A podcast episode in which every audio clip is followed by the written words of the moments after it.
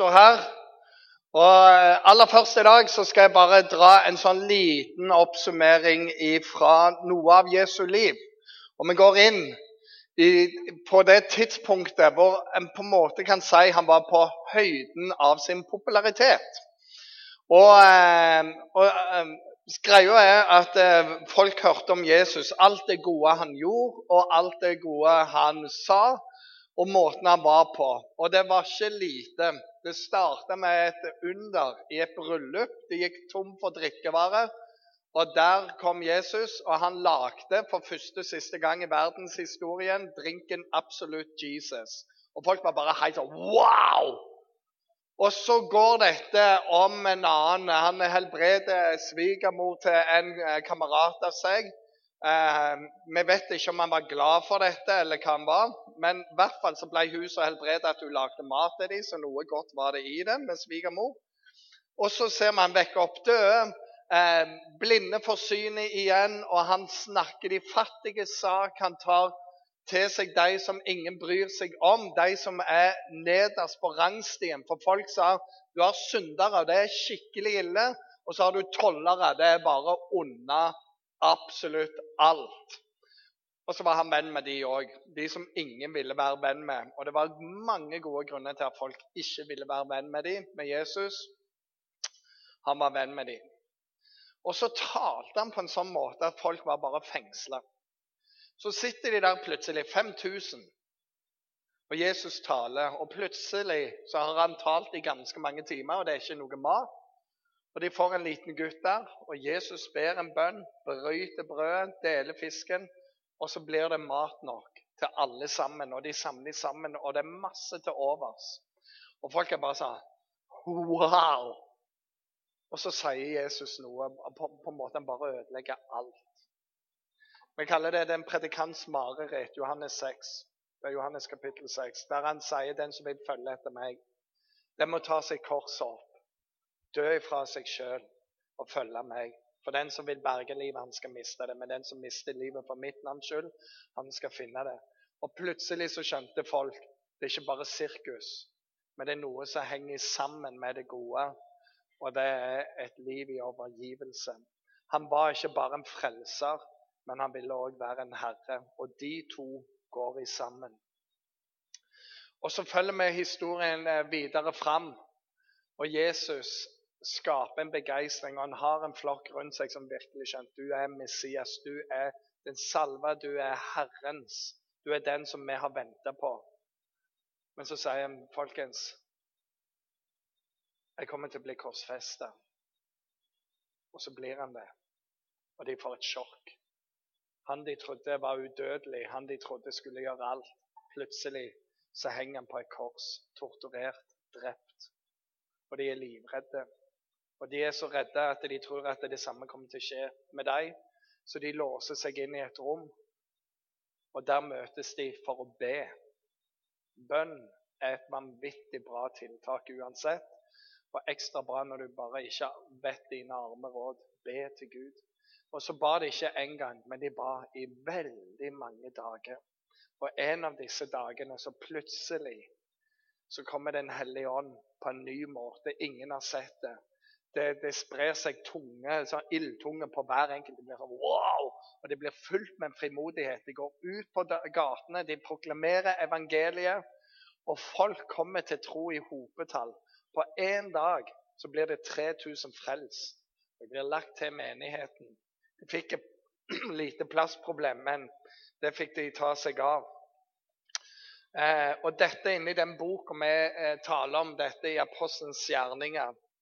Og Rett etter dette så står det om den første menighet, hvordan de solgte unge, onde ting, hvordan de bodde i fellesskap der hvis du trenger noe, så bringer vi det til veie. Har du noe til over, så gi, gi, det inn, så kan vi gi det til de andre. De sier på den tida var det sånn at de delte absolutt ingenting med hverandre, unntatt konene sine. Men de kristne var motsatt. De delte absolutt alt, unntatt konene sine. Og så I neste kapittel så ser vi at Peter, eh, som er en av Jesu venner, han møter en mann som har vært eh, lam hele tida. Og, og han tigger penger, og så sier Peter, sølv eller gull, det har jeg ikke, men det jeg har, det vil jeg gi deg. I Jesu navn, reis deg opp. Og han blir momentant helbredet. Og folk er jo helt i ekstase. Og så, wow, For alle visste hvem han var. Det er han der i byen som alle vet om. Han der som alltid sitter og roper der, og han ser stakkarslig ut. Han tigger, og det er ikke noe annet å gjøre for han. Plutselig så løper han rundt. Det vil si at alle er begeistra. Og Peter og gjengen må si wow, Guds kraft er jo i oss. Men det er noen som ikke liker det. Så de blir kalt inn til avhør. Og så sier jeg hvis dere ikke slutter med det der med en gang, og taler om Jesus, så, så fengsler vi dere, vi dreper dere. Og så dere vet det. Dere må slutte med en gang. Og Så sier igjen Peter noe. Han er litt gira, kan du si. Hør, Dere kan si hva dere vil, men vi kan ikke la være å tale om det vi har sett og hørt. Og så truer de enda mer. og Vi pisker dere. Vi gjør det. Så, ja, dere får gjøre hva dere vil, men det bobler litt på innsida her. Og så får de bare gå igjen. Og så skjer det eh, at de ber sammen, og de opplever Guds under der. Eh, og, så, og, så, begynner bare en hel periode etter de er trua, med at Gud bare gjør noe helt ekstremt. Og det står i teksten at folk lar syke ut på gata for at, eh, i et håp om at når Peter gikk forbi, så i det minste at skyggen hans skulle falle på dem. Nå var ikke det helt sånn enestående, fordi de trodde på skyggeguder. Og hvis du har sett litt tegnefilmer med skygge som begynner å leve, det var en del av gudereligionen. Men de kobla at disse skyggene kunne ha kristianen i seg. Og folk ble helbredet. Og det skjedde veldig mye. Og igjen så må de ta disse karene som bare ødelegger alt. For de helbreder jo folk og sier det er Jesus som gjør det. Og på en måte så blir de skyldige. Så drar de inn og denne gangen så pisker de de, og de sier vi sa dere skulle holde opp med dette her. Og igjen så forkynner dere, igjen så helbreder dere. Og de pisker de vanvittig, og så lar de de gå. Rimelig ødelagt, bare krokbøyde. Og så står det når de kom seg ut av det forhøret der, så, så er det bare en sånn For oss nordmenn rar reaksjon, for det står de forlot rådet og gleda seg over at de var funnet verdig til å bli vanære for Jesu navn. De, de var bare sånn au, au, au, au, yes, au. Det er litt vanskelig å rekke opp hendene, for alt strammer her. Men det var bare sånn Wow, tenk at vi er sånne kristne! At de, de bare ser Jesus i hele oss. Og så var de bare bang, bang, bang. De var helt der. Så står det både i tempelet og hjemmene fortsatte de å forkynne evangeliet om Jesus som Messias. Samme hva de prøvde å banke ut av dem og, og gjøre, så nytta det ikke.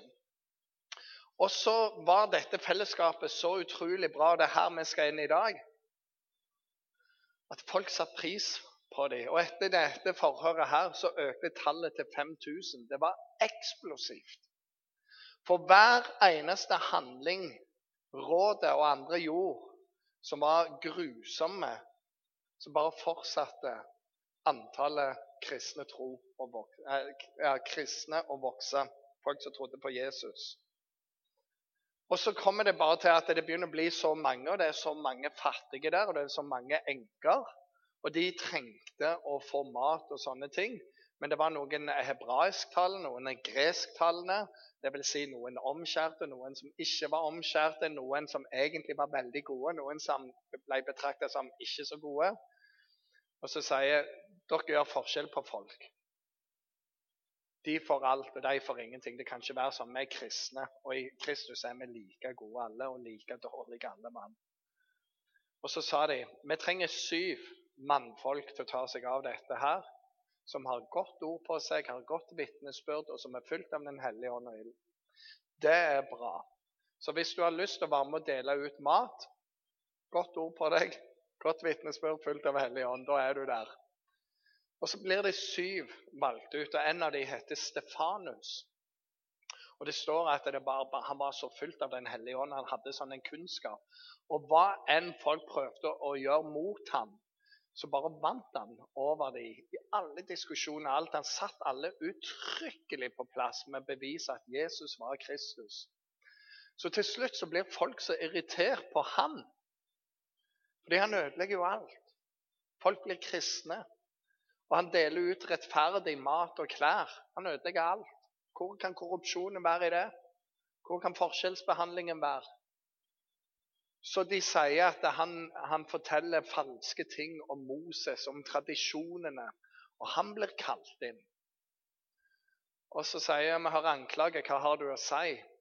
Og så vil du lese i Apostelens gjerninger kapittel 7 et helt kapittel hvor han bare legger ut Gamle testamentet. Hvor det står om patriarkene, hvor det står om Moses, hvor det står videre. vet du hva? Det er sinnssykt bra helt til han kommer til en liten del. Jeg tenker, Var han så fullt av Den hellige ånd der? For alt går bra. Eh, men så, så sier han noe, og av og til, og dette er poeng for meg Av og til, hvis det går veldig bra for deg, så kan det være at du blir litt løsmunnet, blir litt sånn kjekk for det. Sånn som landslagsspilleren òg sier av og til i fotball når de har spilt eh, 0-1 mot Hviterussland, og de sier all slags sånn, så må Høgmo ut og si ja, men det var jo noe sånn følelsesutbrudd som dere må ikke tenke på det, sier han bare. Men av og til så tenker folk på det likevel. Så sier han eh, Stivnakka som dere er, dere skriftlærde, uomskårne både hjerte og øre. Alltid står dere Den hellige ånd imot, som deres fedre, så også dere. Har det noen gang vært en profet som fedrene deres ikke forfulgte? De drepte dem, og de som forutforsynte at den rettferdige skulle komme. Og nå har dere forrådt og myrdet Han, dere som fikk loven overgitt med påbud fra engler, men ikke har holdt den. Det er ikke smart å si. Det er veldig dumt å si sånne ting. Da står det da de hørte dette, ble de så forbitra at de skar tennene. Og så gikk de mot han og skulle ta han, Men Stefanus var fullt av Den hellige ånd. Han bare sier wow, jeg ser himmelen åpen. Kristus står der. Han er, og deg er lik Guds bespottelse for dem. Og så går de mot ham, og så steiner de ham til døde. Og Han blir den første kristne matyr, men slettes ikke den siste. Og mens livet ebber ut av han, så, så sier han, Herre Jesus, ta imot min ånd. Bare nå kommer jeg til deg. Og så aller, aller sist så roper han òg Og Gud, ikke tilregn de denne synda som de gjør nå. Ikke, ikke regn det. Fordi Stefanus hadde ett ønske for alle de som steinte ham, og det var at de skulle få møte Jesus som frelser, og ikke som dommer. Så selv i sin død så ropte han ut, ikke tilregn de denne synd. Jesus gjorde akkurat det samme når han ble hengt på korset så sier han ikke tilregn deg denne synd. Det er noe når du får tak i Jesus, som gjør at det du har mest lyst til av alt i verden, det er at alle andre skal få tak i Jesus. For han er skatten i livet vårt. Og vi vet at det er slutten på livet, det er ikke slutten på oss. Det er noe som venter oss, som er mye bedre. Det er noe som gjør at slaver i generasjoner har sunget Negro spirituals som sier en dag da skal jeg være der. Da er alle tårer borte. Det er en ting som gjør at det kristne verden over som forfølges og tortureres og drepes bare fordi de er kristne, holder ut. I 2013 så regner jeg med det statistikk på at mellom 7000 og 8000 mennesker ble drept kun fordi de var kristne. Eh, og egentlig så regner de med at eh, det var minimum 70 000 som ble drept bare fordi de var kristne. Eh, den arabiske vår har av den katolske kirke blitt kalt den kristne vinter. For at de har gjennom den såkalte arabiske vår drept utrolig mange. Men det er ei gruppe som uten sidestykke har blitt drept og torturert, og det er de kristne. Og Det står det er helt uproporsjonalt i forhold til alt annet. Det er bare et hat mot kristne. Og Hvis du ser hva IS har holdt på med, hvordan de kan drive med alle folkegrupper, men hvordan de spesielt tar kristne, utraderer landsbyer, voldtar de, torturerer de og dreper de kun fordi de er kristne, så er det helt, helt ekstremt. Og greia er at det, det er mange i verden som blir forfulgt, som ikke er kristne. Men det er faktisk de kristne som i størst grad blir forfulgt verden over. Og det er noe med det. Og av og til når vi blir kristne så Vi lever i Norge, og vi lever i et samfunn som er veldig rart. Når jeg vokste opp, så var det et uttrykk som heter 'no pain, no gain'. Men nå så er det sånn 'pain, get someone to blame'. Det er litt sånn det er. Hvis du kjenner smerte, så skal det ikke være der. Og vi skal ikke snakke om sykdom og død, for det er noe uønska. Vi snakker om det perfekte mennesket. Takk skal du ha. Og, og hvordan vi kan bli supermennesker. Og hvis noe går galt i det prosjektet der, så må vi skylde på noen. Og, og vi skylder veldig mye på staten. Så når jeg leser i avisa om eh, min mor lå død tre uker i leiligheten uten at staten oppdaget dette, for en skam, så tenker jeg Er det mulig? Det er jo du som skal oppdage at mor di er død. Ja, Vi hadde ikke så god kontakt. Altså, Skal staten ha det? Og vi har bare skjøvet alt ut. Det er alltid noen sin feil. Og så har vi i vår kultur og press Gud ut av alle ting. Men når noe går galt, når livet hender, og det ikke alltid er så bra, så skylder vi på Gud. For noe, det er i hvert fall ikke min feil, og det skal i hvert fall ikke være sånn. Og så er det bare helt sånn, og så har det sneket seg inn i en del menigheter òg.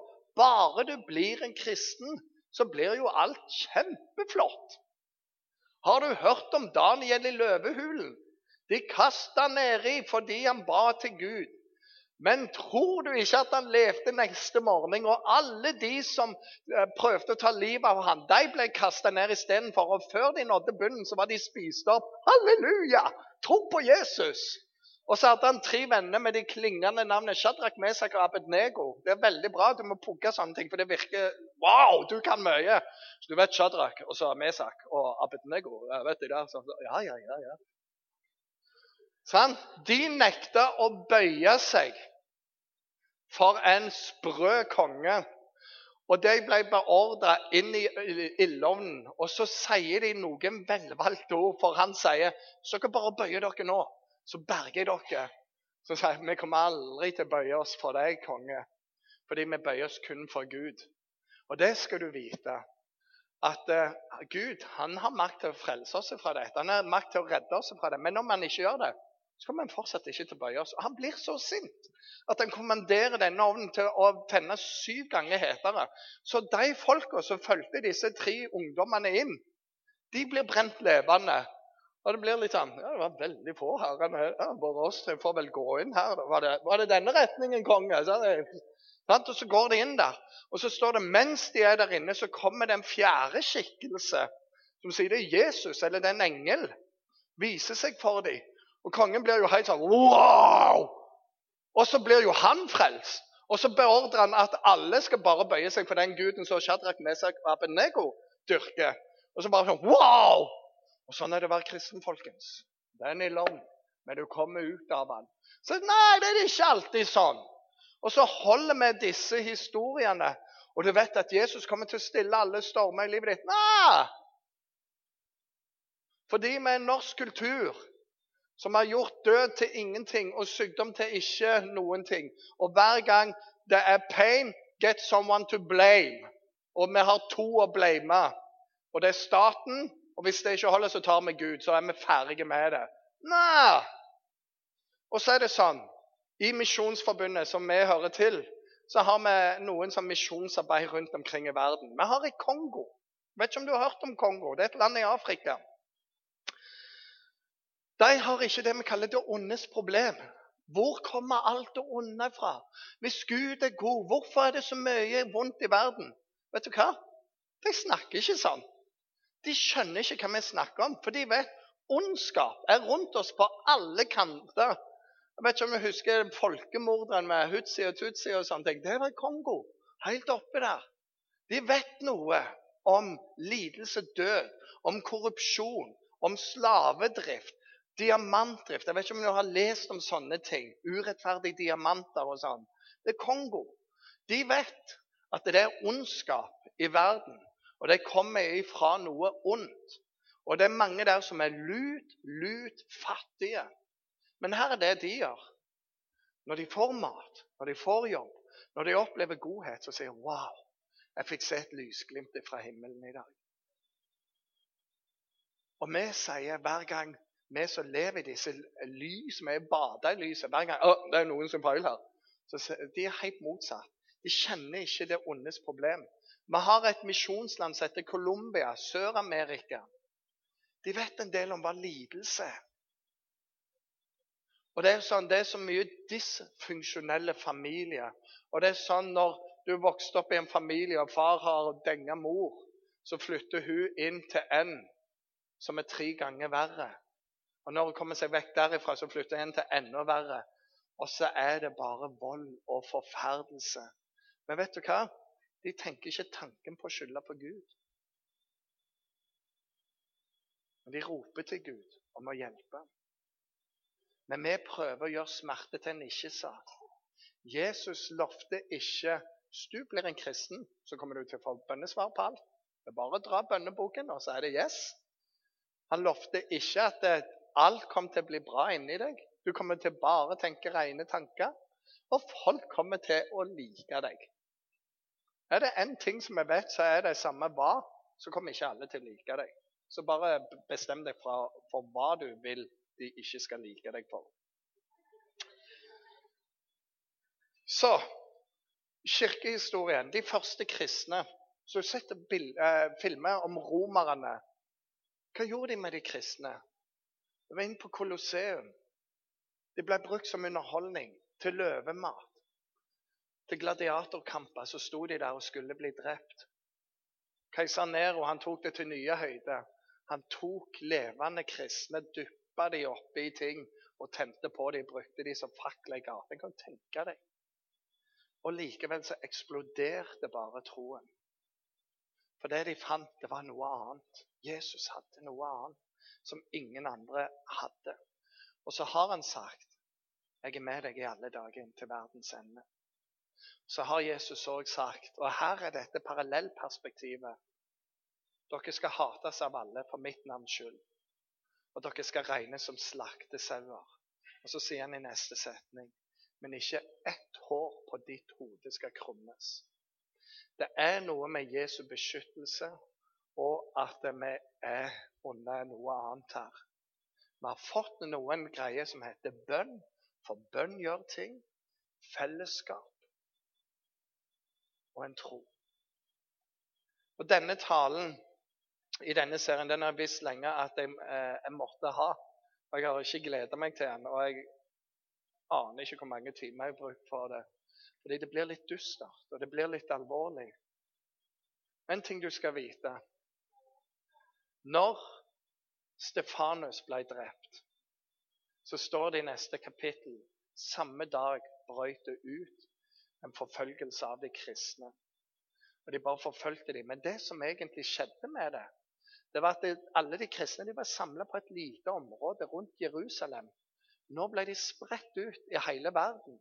Og hvor enn de ble spredt ut, så forkynte de evangeliet. Og det var på den måten, på grunn av forfølgelsen, at evangeliet kom videre rundt i Asia, inn til Europa, ned til Afrika, som var det første. Det spredte seg via forfølgelse. Og det er en sånn underlighet med, med troen vår som er at det tegn, under og mirakler sammen med lidelse, det går hånd i hånd. Og gjennom Bibelen så bare veksler det sånn. Og hver gang vi blir trua, og enten Gud redder oss ut, eller de dreper dem, så skjer det noe i etterkant som bare sånn Wow! Det var bare Gud som kunne ha gjort.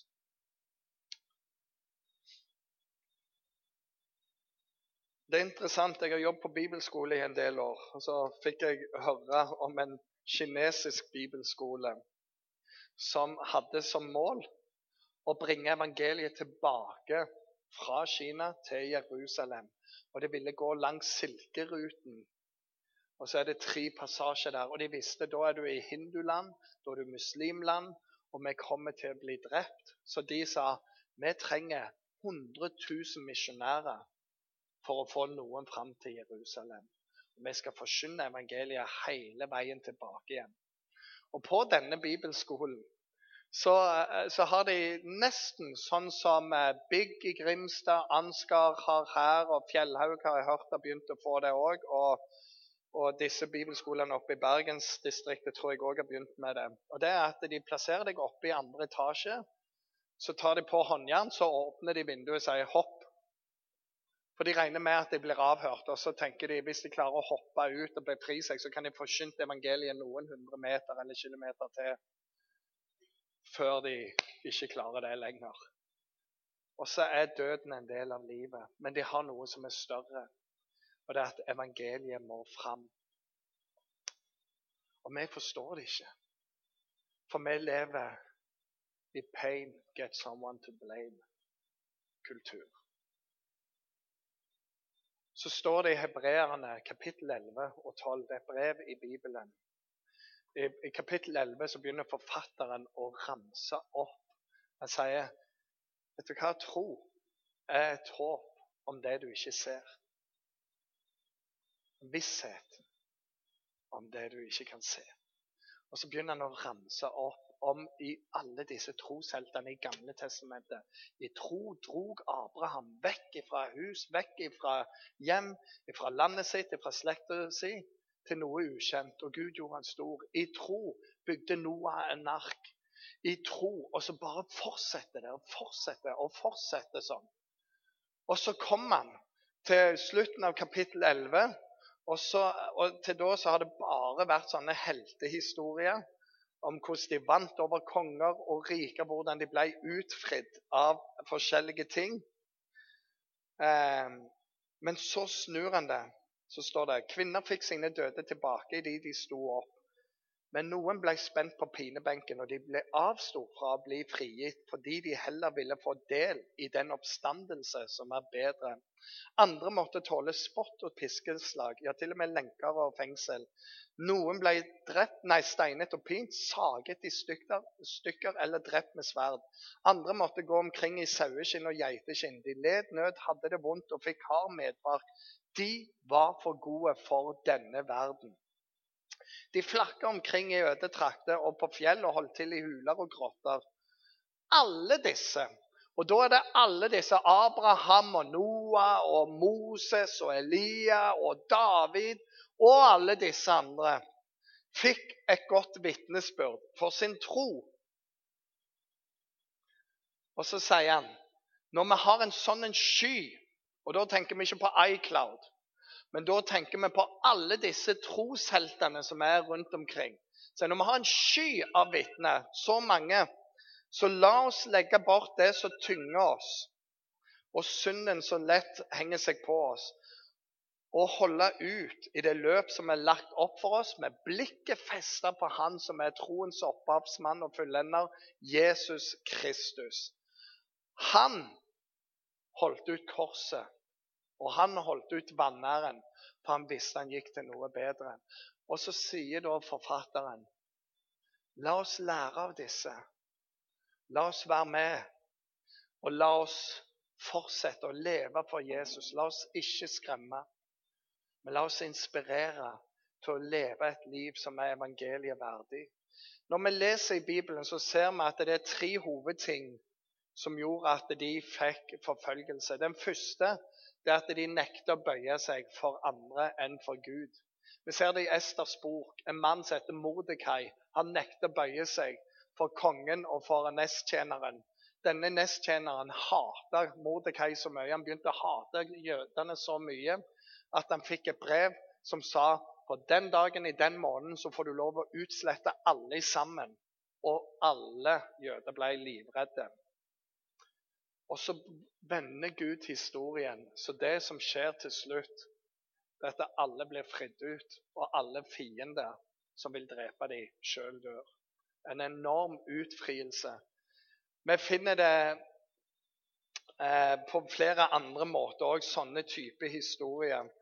Men det at de nekter å bøye seg. Den andre tingen er at folk som tjente mye penger på noe, som mister det grunnlaget fordi folk blir kristne. Og Da ser vi ei slavekvinne som kunne spå alle ting. Hun blir momentant helbreda, og du skulle jo tro at folk ble Wow!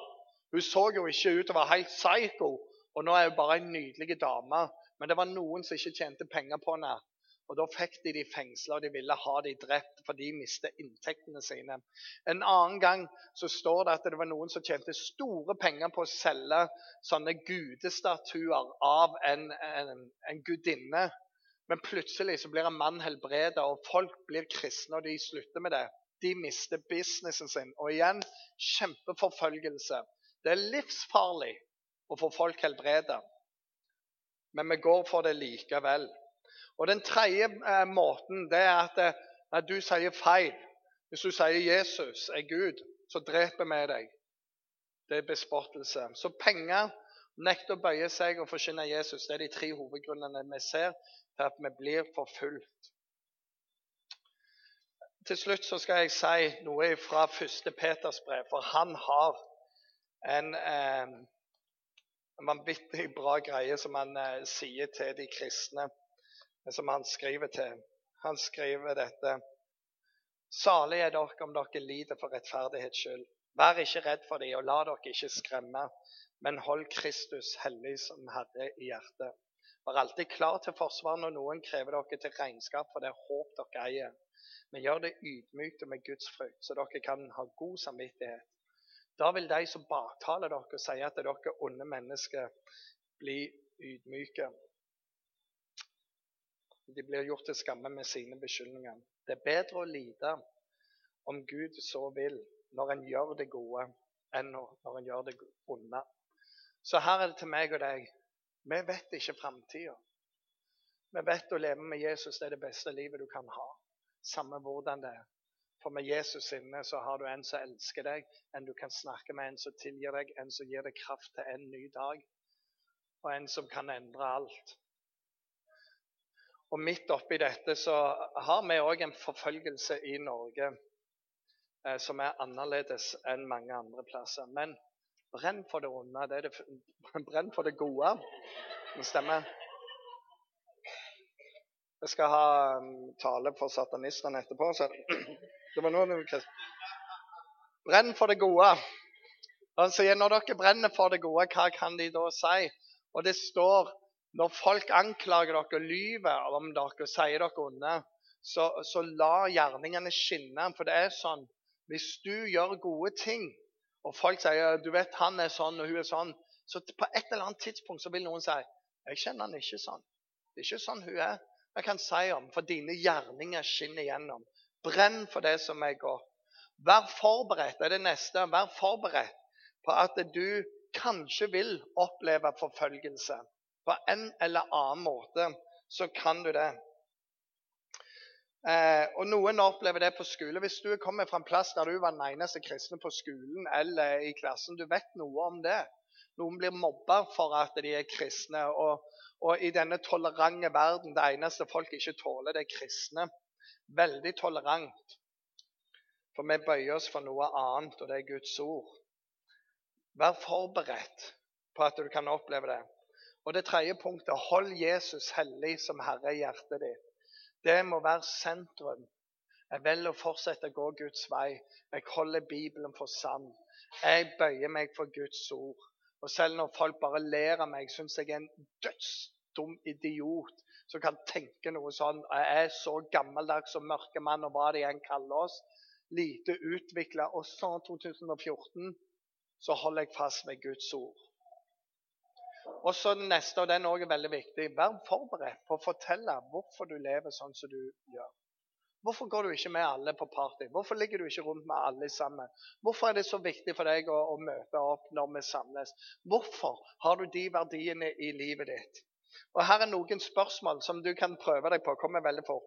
Hvordan kan du tro på at det fins en Gud bak alt, når vitenskapen kan forklare alt? Kan jeg ha svar på det? Hvordan er det mulig å bygge livet sitt på denne Bibelen og tro at eh, Bibelen er Guds ord? Hvordan kan Gud være god når det finnes så mye lidelse i verden? Hvordan kan du tro at det er et liv etter dette her?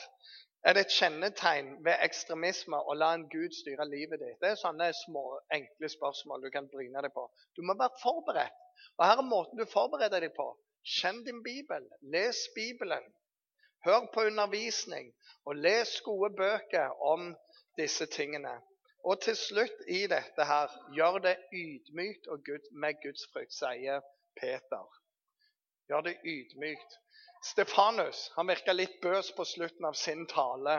og Det var da de skar tennene, og bom, så var forfølgelsen i gang. Ikke vær blærete, men vær ydmyk. What would Jesus do?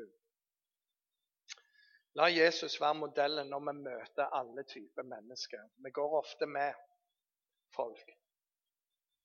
Det står Peter sier det. Når de baktaler dere og, og får deres gode livsførsel i Kristus, så la det bli gjort til skamme med sine beskyldninger. La, samme hva de sier, så stemmer det ikke. I Misjonsforbundet har vi mange mange misjonærer. Den mest kjente heter Annie Skau. Hun var i Kina. Og Hun ble fengsla en gang rett og slett bare fordi hun var kristen og gjorde altfor mye godt.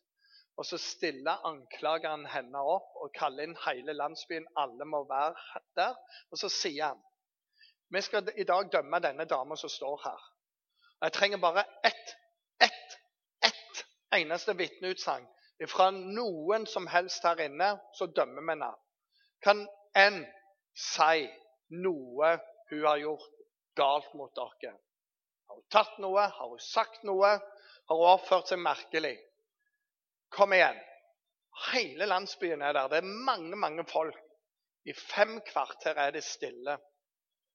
Og så skjer det noe i salen der. Til slutt så bryter anklageren sammen og sier finner dere ikke noe galt. Folk bare rister på hodet. Nei, denne kvinnen har bare gjort godt. Så bryter han ut i, i, i gråt og sier heller, jeg klarer heller ikke å finne det. Så blir han frelst. Gjør det ydmykt med Guds frykt. Avslutningshistorie til dette.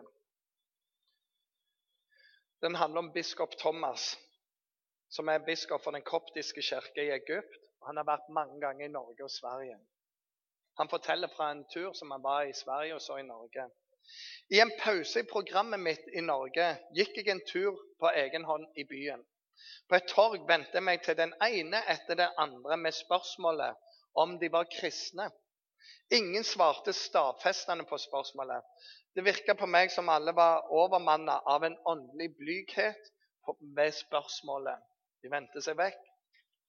Samtidig som eh, denne biskop Thomas var i Skandinavia En av de kveldene så var 29 ungdommer samla i St. Georgs kirke, ca. 20 mil sør for Kairo. Ungdommene satt og lytta til prestens tale da flere menn kommer inn i kirka, skyter på dem bakfra med automatvåpen. Mer enn 200 kulehull ble funnet etterpå. 15 kristne koptiske ungdommer ble drept.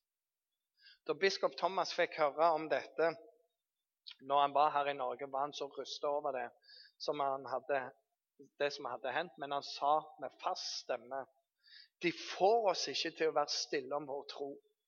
Men det ser ut som om den åndelige og materialistiske presset dere kristne i Vesten er utsatt for, har fått dere til å miste frimodighet og bli tause. Nei, det er ikke vi i Egypt som har prøvelsen. Det er dere. Magnus Malm han kaller dette det grå martyriumet. Skrem de kristne til taushet.